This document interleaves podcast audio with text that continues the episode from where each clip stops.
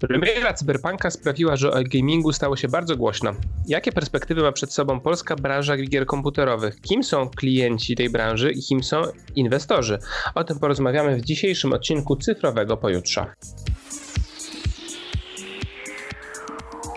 Ja nazywam się Jacek Grzeszak, jestem analitykiem gospodarki cyfrowej w Polskim Instytucie Ekonomicznym. Do rozmowy zaprosiłem Przemysława Gerszmana, inwestora indywidualnego i autora książki Śladami Warrena Buffetta. Dziękuję za przyjęcie tego zaproszenia. Dziękuję za zaproszenie, witam wszystkich. Chciałem na początku y, zacząć od, od takiego podstawowego pytania, czy Cyberpunk jest sukcesem czy porażką CD Projekt, ale też y, chciałem takie poczynić od, od razu na początku zastrzeżenie. Y, rozmawiamy w piątek, 18 e, grudnia.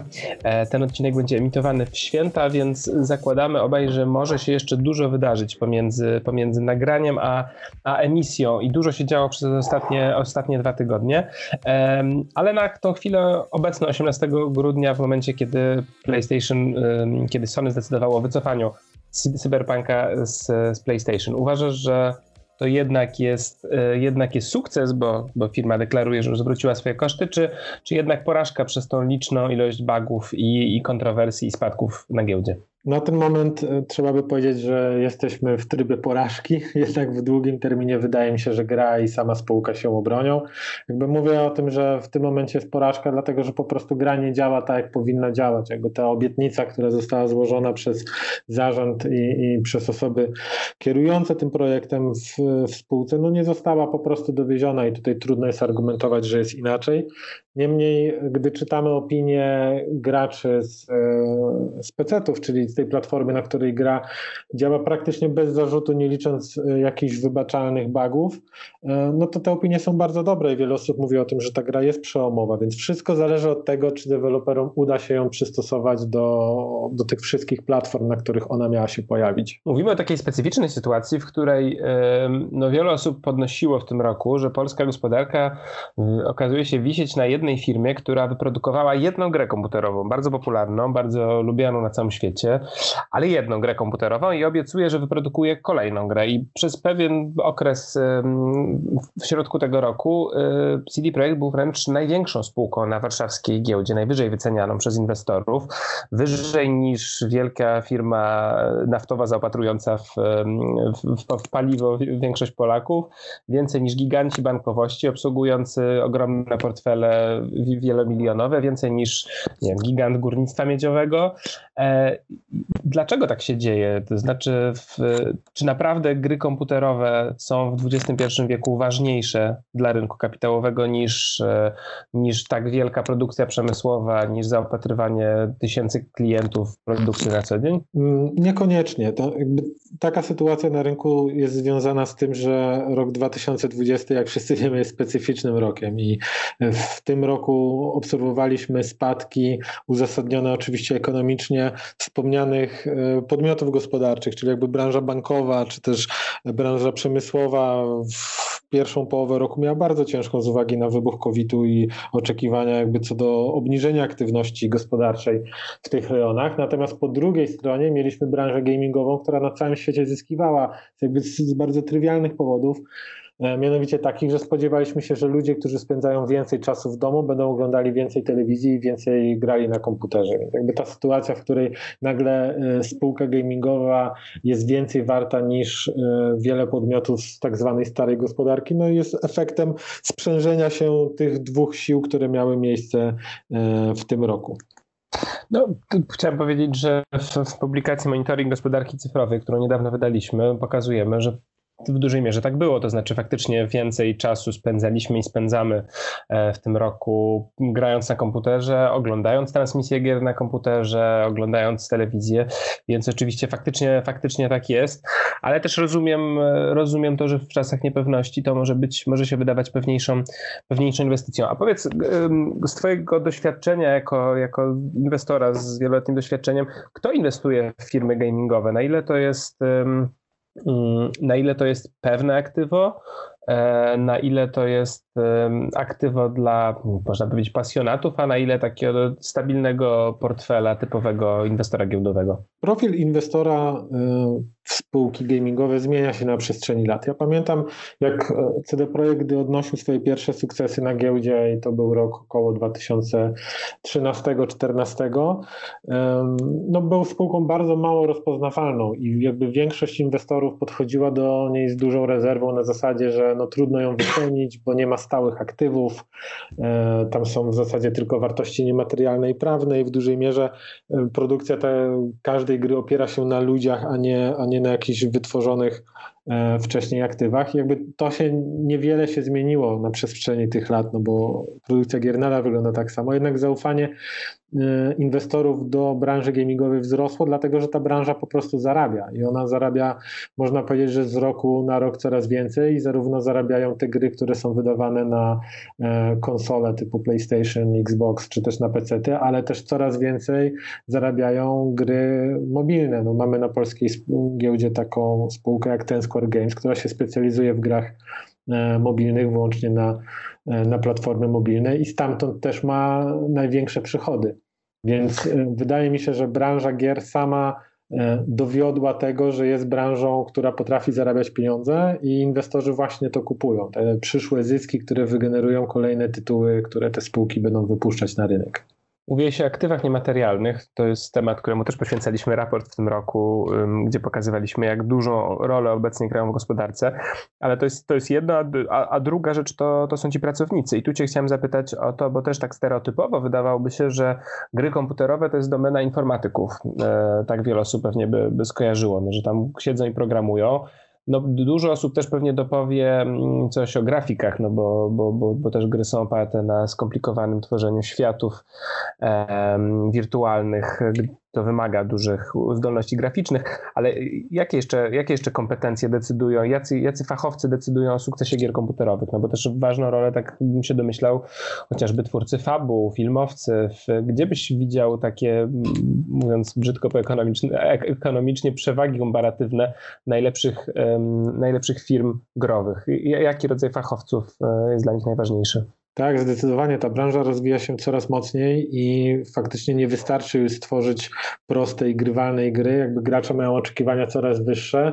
Jeśli mówimy o tych największych produkcjach nazywanych w branży AAA, e, to są produkcje, które przyciągają do siebie no, statystów, modeli, pisarzy, ilustratorów na najwyższym światowym poziomie. Jakby ich budżety e, i wynagrodzenia dorównują tym budżetom, powiedzmy sobie, hollywoodzkim, tak? Czyli już nie mamy takiej sytuacji, że gra jest stworzona gdzieś w przysłowiowym garażu, tylko faktycznie, aby utworzyć wszystkie sceny, e, które się w niej dzieją, często musimy sięgać po aktorów. Na przykład e, cyberpunka znany wszystkim Keanu Reeves, no to jest osoba, która dała się zeskanować, żeby, żeby móc wystąpić w tej grze, czy też no, samochody Porsche, które faktycznie są odzorowane jeden do jednego i którymi można pojeździć w grze. Niemniej po drugiej stronie mamy też osoby, które no, mocno są związane z, z psychologią, bo e, często gry mobilne to są gry, które wykorzystują, można powiedzieć wprost, nas psychologicznie. Jest tam zaszytych wiele mechanizmów, które starają się uzależnić gracza e, od samej gry, czyli no, mamy tam e, postać tak zwanych lootboxów, które troszeczkę balansują trochę na definicji hazardu i jakby Komisja Europejska też się temu przygląda. Mamy tam sytuacje, w których musisz grać codziennie, żeby dostawać jakieś bonusy, więc to nie tylko są specjaliści związani, związani bezpośrednio z IT, nie tylko e, aktorzy, nie tylko screenplayerzy i tak dalej, ale też, no można powiedzieć, że nawet psychologowie. Mówiłeś o tych, o tych przychodach, jakie wypracowuje branża, to chciałem Cię zapytać e, o to, co jest głównym źródłem przychodów, bo, bo tak jak mówiłeś, są różne typy gier na różne typy urządzeń, grane w różny sposób, tak jak mówisz, różne typy płatności. Jak z Twojej obserwacji, co jest takim głównym e, motorem przychodów dla branży? W tej branży najpiękniejsze chyba jest to, że y, gra musi odnieść duży sukces wśród y, poszczególnych jednostek. No jakby nikt nie kupuje e, jakiejś gry kilkukrotnie, no może oprócz e, jakichś wyjątków. Jak chodzi mi o to, że to nie jest tak, że w tej branży mamy jednego dużego klienta i ten jeden duży klient wypracowuje nam 80% naszych zysków, a pozostała jakby 20 zgodnie z Pareto. To jest tak, że ta gra musi się spodobać e, naprawdę bardzo wielu ludziom, żeby każdy z nich dorzucił tą swoją cegiełkę i, i naszą grę kupił. Ale z drugiej strony to prowadzi do tego, że dzięki dostępowi do globalnego rynku, bo teraz wydając grę mamy od razu dostęp do Steama, który jest jakby globalnym marketplace, czy dla, czy dla jakichś innych platform. Mamy dostęp do klientów na całym świecie, czyli nawet jakieś małe studio z małego państwa albo z małego miasta, dotąd nikomu nieznane, jeśli stworzy dobrą grę, jest w stanie naprawdę zarobić na tym bardzo dużo, no bo za prowizję od ceny E, pudełkowej w cudzysłowie może wejść do największego marketplace'a e, na świecie, jakim jest e, rynek gier. Ja pamiętam z, z, z, moich czasów grania już kilkanaście lat temu, no, że standardem po prostu było kupowanie gier w pudełku, była płyta w środku CD albo DVD, za to się płaciło i potem się grało do woli. Ale jak rozumiem teraz, po, poza tego typu usługami, no taką też jest, tak rozumiem, Cyberpunk też, też grą, którą się kupuje, jest coraz więcej tych gier, które funkcjonują bądź to w układzie abonamentowym, bądź to w układzie jakichś dodatkowych płatności. Tak chyba jest w przypadku wielu gier mobilnych, to znaczy, że są darmowe gry z masą e, płatnych, jakichś bonusów, e, usprawnień e, dodatkowych funkcji.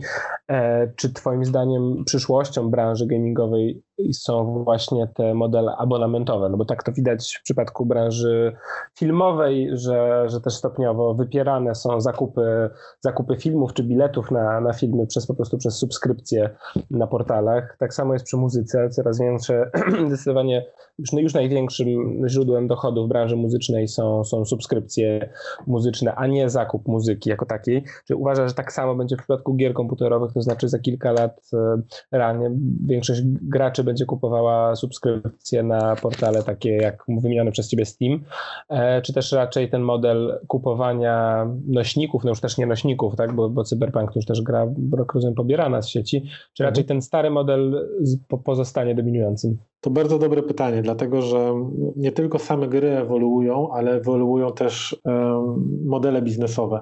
I tak jak wspomniałeś, na początku mieliśmy bardzo prosty model, czyli szliśmy do przysłowiowego Empiku, kupywaliśmy e, grę w pudełku, przynosiliśmy ją do domu i graliśmy. Potem zaczęły się pojawiać gry online, mm, gry, w których płaciliśmy za to, że możemy grać nieskończoną liczbę godzin e, w rozrywce online'owej. Potem zaczęły się pojawiać gry tak zwane freemium. I gry freemium polegają na tym, że możemy grać za darmo, ale producent gry zarabia w jakiś inny sposób. I najczęściej on zarabia w sposób taki, że mm, albo wyświetla nam reklamy, albo y, abyśmy byli w stanie robić jakiś sensowny progres w grze bez frustrowania się nadmiernego, y, musimy zapłacić. To trochę tak jakby dostać za darmo łódkę, ale za wiosła trzeba było zapłacić. Tak, możemy wysuwać rękoma, ale to daleko nie popłyniemy, więc często jest tak, że w tych grach mamy ten algorytm, w którym musimy zapłacić, aby być w stanie wygrywać, ale najciekawszym modelem y, biznesowym ostatnich lat jest ten model, w którym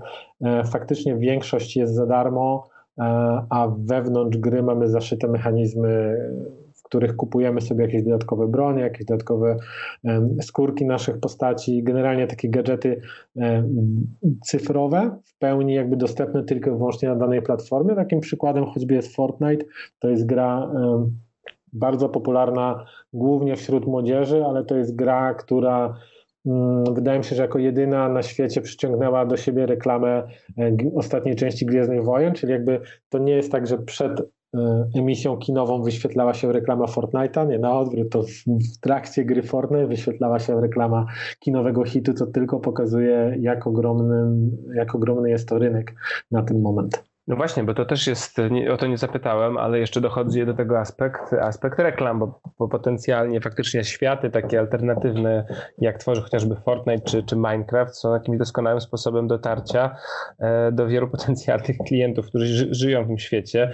I czy, czy myślisz, że modele, modele gier opartych po prostu na reklamach one mogą, mogą funkcjonować, się utrzymać. Inna sprawa też się zastanawiam, czy takie gry byłyby w ogóle przyjemne do grania, bo jeśli człowiek wychodzi ze świata pełnego reklam, gdzie atakują cię reklamy na każdym kroku i wchodzi do tego alternatywnego świata, w którym też jest pełno, pełno banerów reklamowych i w różny sposób jest się namawiany, może to by nie byłoby fajne, ale, ale właśnie, czy to, czy to jest jakimś jednym z, z, z rozwojanych modelów przyszłościowych, e, twoim zdaniem?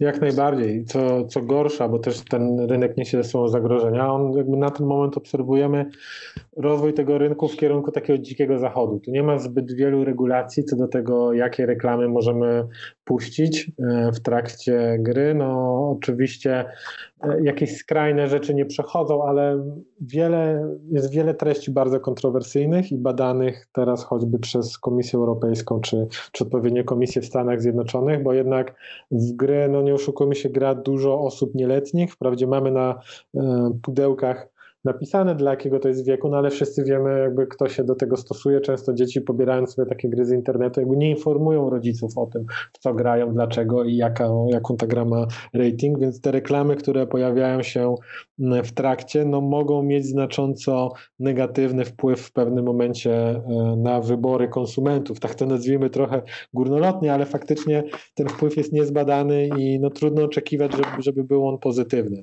Do tego wszystkiego dodajmy sobie to, że ten rok to jest rokiem, w którym no, nasi rodzice nie mogą powiedzieć dzieciom, że wyjdź na podwórko się pobawić, bo, bo nie można się pobawić. I w zasadzie te dzieci siedzą mm, najpierw na zdalnej szkole, przez ileś godzin patrząc się w komputer, a potem tak naprawdę nie mają zbyt wielu form rozrywki, e, które mogą praktykować poza miejscem zamieszkania, więc często wchodzą w tą rozrywkę cyfrową, zwłaszcza w przypadkach takich, w których gra jest za darmo i rodzic nie musi nic płacić. Jest ten e, wspomniany wcześniej Fortnite, jest jakby idealnym rozwiązaniem na taki rok pandemiczny i trudno się dziwić, że tam tych graczy przybywa w jakby astronomicznym tempie. No tak, no to często wręcz nie mogą wychodzić i, i też do tego prowadzą obostrzenia w różnych krajach, więc, więc to faktycznie to jest, to jest, to jest dużym problemem społecznym. No inne miejsce, w, w, które trafia, trafia wiele osób młodych, no to z kolei oglądanie transmisji, bo tutaj też obserwujemy, obserwujemy wielkie wzrosty. Ale ja jeszcze, nim zamknę wątek tych przychodów branży, bo jeszcze, jeszcze o jednej rzeczy pomyślałem, o której jest często podnoszona w przypadku cyberpunka. Chciałem cię zapytać, na ile to jest istotne, istotna składowa teraz w budżetach, budżetach firm growych, no to jest, mówiłeś o tym, o tym aspekcie tworzenia tych wielkich produkcji growych, tak jak się tworzy wielkie produkcje hollywoodzkie przez wiele lat, mm, tysiące ludzi dopracowane z każdej strony, ale drugim takim ważnym elementem tych produkcji hollywoodzkich to jest to, że przychody są niekoniecznie ze sprzedaży filmów DVD, czy niekoniecznie ze sprzedaży biletów na, na, na, na filmy, ale ale także z gadżetów, także z tego merchandisingu, całości um, um, przychodów ze świata, który się stworzy w, w, w, ramach tego, w ramach tego filmu, czy w ramach właśnie tej, tej gry. E, to jest bardzo ważne oczywiście w przypadku takich filmów jak Gwiezdne Wojny, które mają miliony swoich fanów, e, osób, które by, były gotowe przemalować mieszkanie na podobieństwo statku z Gwiezdnych Wojen, albo ubierać się jak postaci z Gwiezdnych Wojen i tak dalej, tak. Czy myślisz, że o takim fenomenie też mówi mówimy w przypadku gier komputerowych i czy takie projekty jak Cyberpunk e, są robione właśnie pod tym kątem, czy to jest e, nadal jakiś poboczny, raczej mniejszy e, element przychodów firm? Nadal jest to poboczny element przychodów firmy, bo one nie, nie mają aż tak dużego wpływu na wynik całości produkcji, jak to jest w przypadku mm, produkcji hollywoodzkich. Jakby no to jest jakby tajemnicą Poliszynela, że wszystkie te produkcje disneyowskie no głównie są pod, e, pod zabawki, pod to, żeby te zabawki faktycznie sprzedawały się w dużej ilości. W świecie gier jeszcze tego nie obserwujemy, niemniej obserwujemy coraz więcej gadżetów związanych z grami bezpośrednio do kupienia w realnym świecie, tak? Gdy sobie wejdziemy do sklepu z zabawkami, ja akurat mam siedmioletniego syna i wchodzę i widzę, że są zabawki z Fortnite'a, są zabawki z Minecrafta i z wielu innych gier. Trochę też teraz um, powraca taka moda w gamingu na nostalgię, czyli wyciąga się znowu starego, dobrego Super Mario i jakby nawet Lego zrobiło kolaborację z Nintendo i możemy teraz um, kupić sobie klocki Lego, um, które są swojego rodzaju grą e, i są właśnie na bazie Super Super Mario, więc no widać, że jakby twórcy gier próbują się przebić do tego świata, niemniej nie jest to takie proste. Głównie dlatego, jak wygląda ta konsumpcja, bo o ile bajkę disneyowską możemy sobie odpalić i oglądać razem z dzieckiem i obejrzeć, cała rodzina się będzie świetnie bawić, no to w grę tak naprawdę gra albo albo dziecko, albo dorosły i zazwyczaj gra się samemu, chyba że to jest jakaś gra, w której można grać na dwóch, ale jednak te największe produkcje to są to produkcje, gdzie się gra samodzielnie albo z kimś mniej lub bardziej anonimowym z internetu, więc tutaj trudno było osiągnąć tą tak dużą sprzedaż gadżetów, jak to jest w świecie hollywoodzkim. Chciałem Cię zapytać o klientów. Zacząłeś już odpowiadać na to pytanie y, teraz, czyli kto kupuje gry, bo, bo to znowu wydawałoby się tak myślę stereotypowo, że to są głównie dzieci, ewentualnie młodzi dorośli. Mówiliśmy o tym, że dzieci są rzeczywiście tą grupą wiekową, która najwięcej gra w gry, również dlatego, że ma, ma dużo wolnego czasu i że po prostu lubi taki świat, świat gier i, i tego typu rozrywki. Ale właśnie, ale z punktu widzenia znowu przychodów, e, no, z widzenia klientów branży, w, w, kogo, w kogo celują teraz e, w kogo celują teraz firmy komputerowe, czyli czy firmy gamingowe, czyli czy bardziej cały czas w młodzież, czy bardziej w, w jakieś osoby dorosłe, w koneserów jakichś gier konkretnych czy gatunków, jak to, jak to widzisz? Dwie najlepsze grupy wiekowe to jest z jednej strony młodzież, Czyli to są osoby nastoletnie, które, e, tak jak wspomniałeś, mają dużo czasu, ale które będą naszymi klientami przez najbliższe wiele, wiele lat. Tak? Czyli jakby łapiąc kogoś e, na pierwszą część jakiejś gry, możemy oczekiwać, że on będzie dorastał razem z kolejnymi częściami gry. Mm, a drugą, mm, najbardziej dochodową e, grupą są zdecydowanie te osoby 30 lat plus, między 30 a 45 rokiem życia, bo to są osoby, które mm, można powiedzieć, że nadal e, lubią grać, bo grały pewnie w latach młodzieńczych. No ja, ja jestem już taką przykładem takiej osoby. Ja grałem jak byłem dzieckiem i, i teraz mogę też sobie zagrać w, w wiele gier i stać mnie jest na to, żeby kupić sobie najnowszy sprzęt i każdą grę, którą chcę, więc, więc to są osoby, które wydają pieniądze na gry i, i po prostu jest ich na to stać.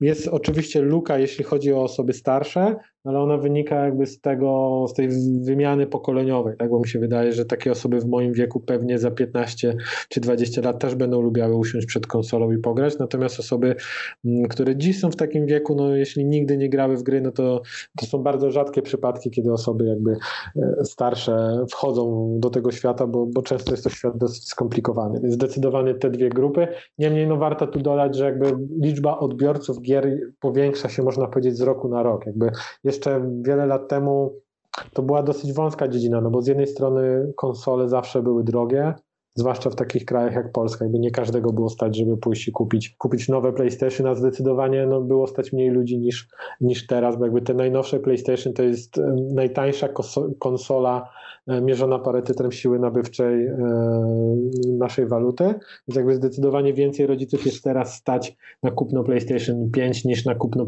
pierwszego PlayStation, a z drugiej strony ta branża też staje się coraz popularniejsza. Widzimy coraz więcej osób e, znanych, które grają w gry. Granie w gry staje się cool. Rodzice jakby słyszą o tym, że deweloperzy gier zarabiają coraz więcej, że są duże światowe sukcesy gamingowe, więc też jakby nie zawsze próbują wybić dzieciom z głowy granie w gry z, z dodatkiem, że, e, że zajmuje się głupotami, tylko często też e, jakby widzą w tym jakąś przyszłość swojego dziecka. Więc zdecydowanie liczba odbiorców gier, liczba klientów e, można się spodziewać, że tylko będzie rosła w najbliższych latach. Myślę, że takim symbolicznym, mówiłeś o sporcie, o, o e-gamingu, znaczy e-sportingu. To takim myślę, że symbolicznym w Polsce kilka lat temu wydarzeniem było przejście Bogusława Leśnodorskiego, który przez wiele lat był prezesem mistrza Polski, najlepszego polskiego klubu Legii Warszawa do branży właśnie e-sportowej, gdzie teraz prowadzi jeden z czołowych e, europejskich klubów e-sportowych, czyli, czyli graczy, graczy w gry komputerowe. E, jeszcze chciałem tylko jedną rzecz dopytać, bo tak sobie pomyślałem, zapytałem cię o grupy wiekowe, ale nie zapytałem o płeć, bo też wydaje mi się, że gry komputerowe są, e, są raczej męską domeną i właśnie nie wiem, czy mnie wyprowadzisz z tego błędu, e, czy faktycznie jest tak, że ci 30-40-latkowie to są zdecydowanie mężczyźni, czy niekoniecznie? Nie znam takich twardych danych co do globalnego rynku. Nie wiem, czy w ogóle takie istnieją. E, no, niemniej wydaje mi się, że to zdecydowanie jest domeną męską granie w gry, ale też coraz więcej kobiet pojawia się w, na tym rynku, czy to jako po prostu graczy i konsumentów tego rynku, czy też w drużynach esportowych, e, czy też jakby zasila deweloperskie, więc jakby zdecydowanie tutaj przyrost tej płci jest odczuwalny, natomiast jeśli miałbym strzelać, to bym powiedział, że mimo wszystko jakby mężczyzn jest więcej na ten moment nadal. Chciałem się na koniec, bo tak przeszliśmy przez w ogóle specyfikę, specyfikę branży, przychodów, klientów i tak dalej. Chciałem spojrzeć tak teraz też trochę taki szerszy obrazek tej, tej branży. Polska branża to nie tylko CD Projekt, bo tak o tym CD Projekcie często mówimy, bo to spółka największa w WIG20, natomiast, natomiast tych firm jest więcej, mówiłeś samo um, o, o spółce zajmującej się, się grami mobilnymi. E, czy uważasz, że jest szansa w przeciągu najbliższych lat na stworzenie w Polsce giganta? No bo też pamiętajmy o tym, CD Projekt jest gigantem na polskim rynku, ale nie jest gigantem w skali całej branży growej i to, że opiera swój model biznesowy sobie na dwóch grach to nie jest typowa sytuacja, bo mamy takich gigantów jak Ubisoft czy, e, czy EA, e, którzy, którzy tych gier tworzą znacznie więcej w każdym roku. Czy Twoim zdaniem jest szansa na stworzenie tego, tak, firmy tej skali, giganta o tak dużych obrotach i tak, tak dużej liczbie gier produkowanych w Polsce? Czy też raczej będziemy poddostawcami, czy, czy też raczej te, te, te polskie firmy po prostu będą wykupywane e, w momencie wzrostu? Wydaje mi się, że najlepsze czasy Polska pod względem gamingu ma przed sobą i wydaje mi się, że są bardzo duże szanse na to, że będziemy mieli nawet większe spółki niż e, CD Projekt, Eleven Beat Studio, Ten Games czy Playway, czyli tacy nasi e, wiodący producenci gier. Co ciekawe, każda z tych spółek e, tworzy różnego typu gry, bo jakby żeby zarabiać dobrze na gamingu nie trzeba tylko tworzyć wielkich wielkich hollywoodzkich hitów.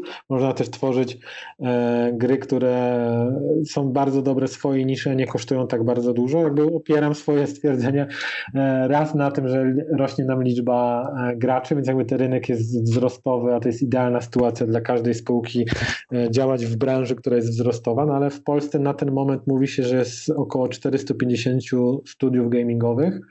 E, z tych m, mm, pracuje tam ponad 10 tysięcy pracowników na giełdzie e, warszawskiej jest notowanych ponad 40 spółek gamingowych i jakby mówi się w kuluarach, że kolejka na główny e, parkiet i też na New Connect, jeśli chodzi o spółki gamingowe, jest długa i wiele spółek chce w ten sposób pozyskać kapitał na rozwój, więc jakby im więcej mamy e, studiów gamingowych w Polsce, to tym jakby rośnie statystycznie prawdopodobieństwo na to, że gdzieś tam wśród nich znajdzie się e, jakby kolejny jednorożec na polskim rynku i ktoś, kto faktycznie zdoła stworzyć super produkcję.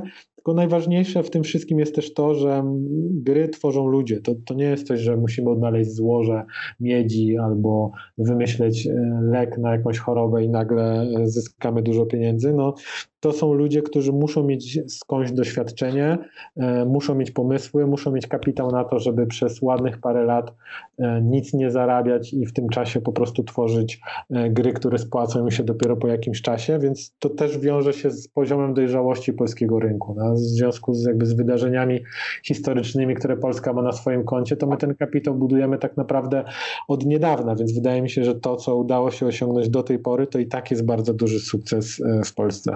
Chciałem zapytać Cię też o, mm, o to na fali trochę tej, tutaj pytania podrzucił mój kolega zespołu Filip Leśniewicz, e, na fali tej dyskusji o CD Projekcie, tych wahań akcji i, i tych dyskusji właśnie o bagach.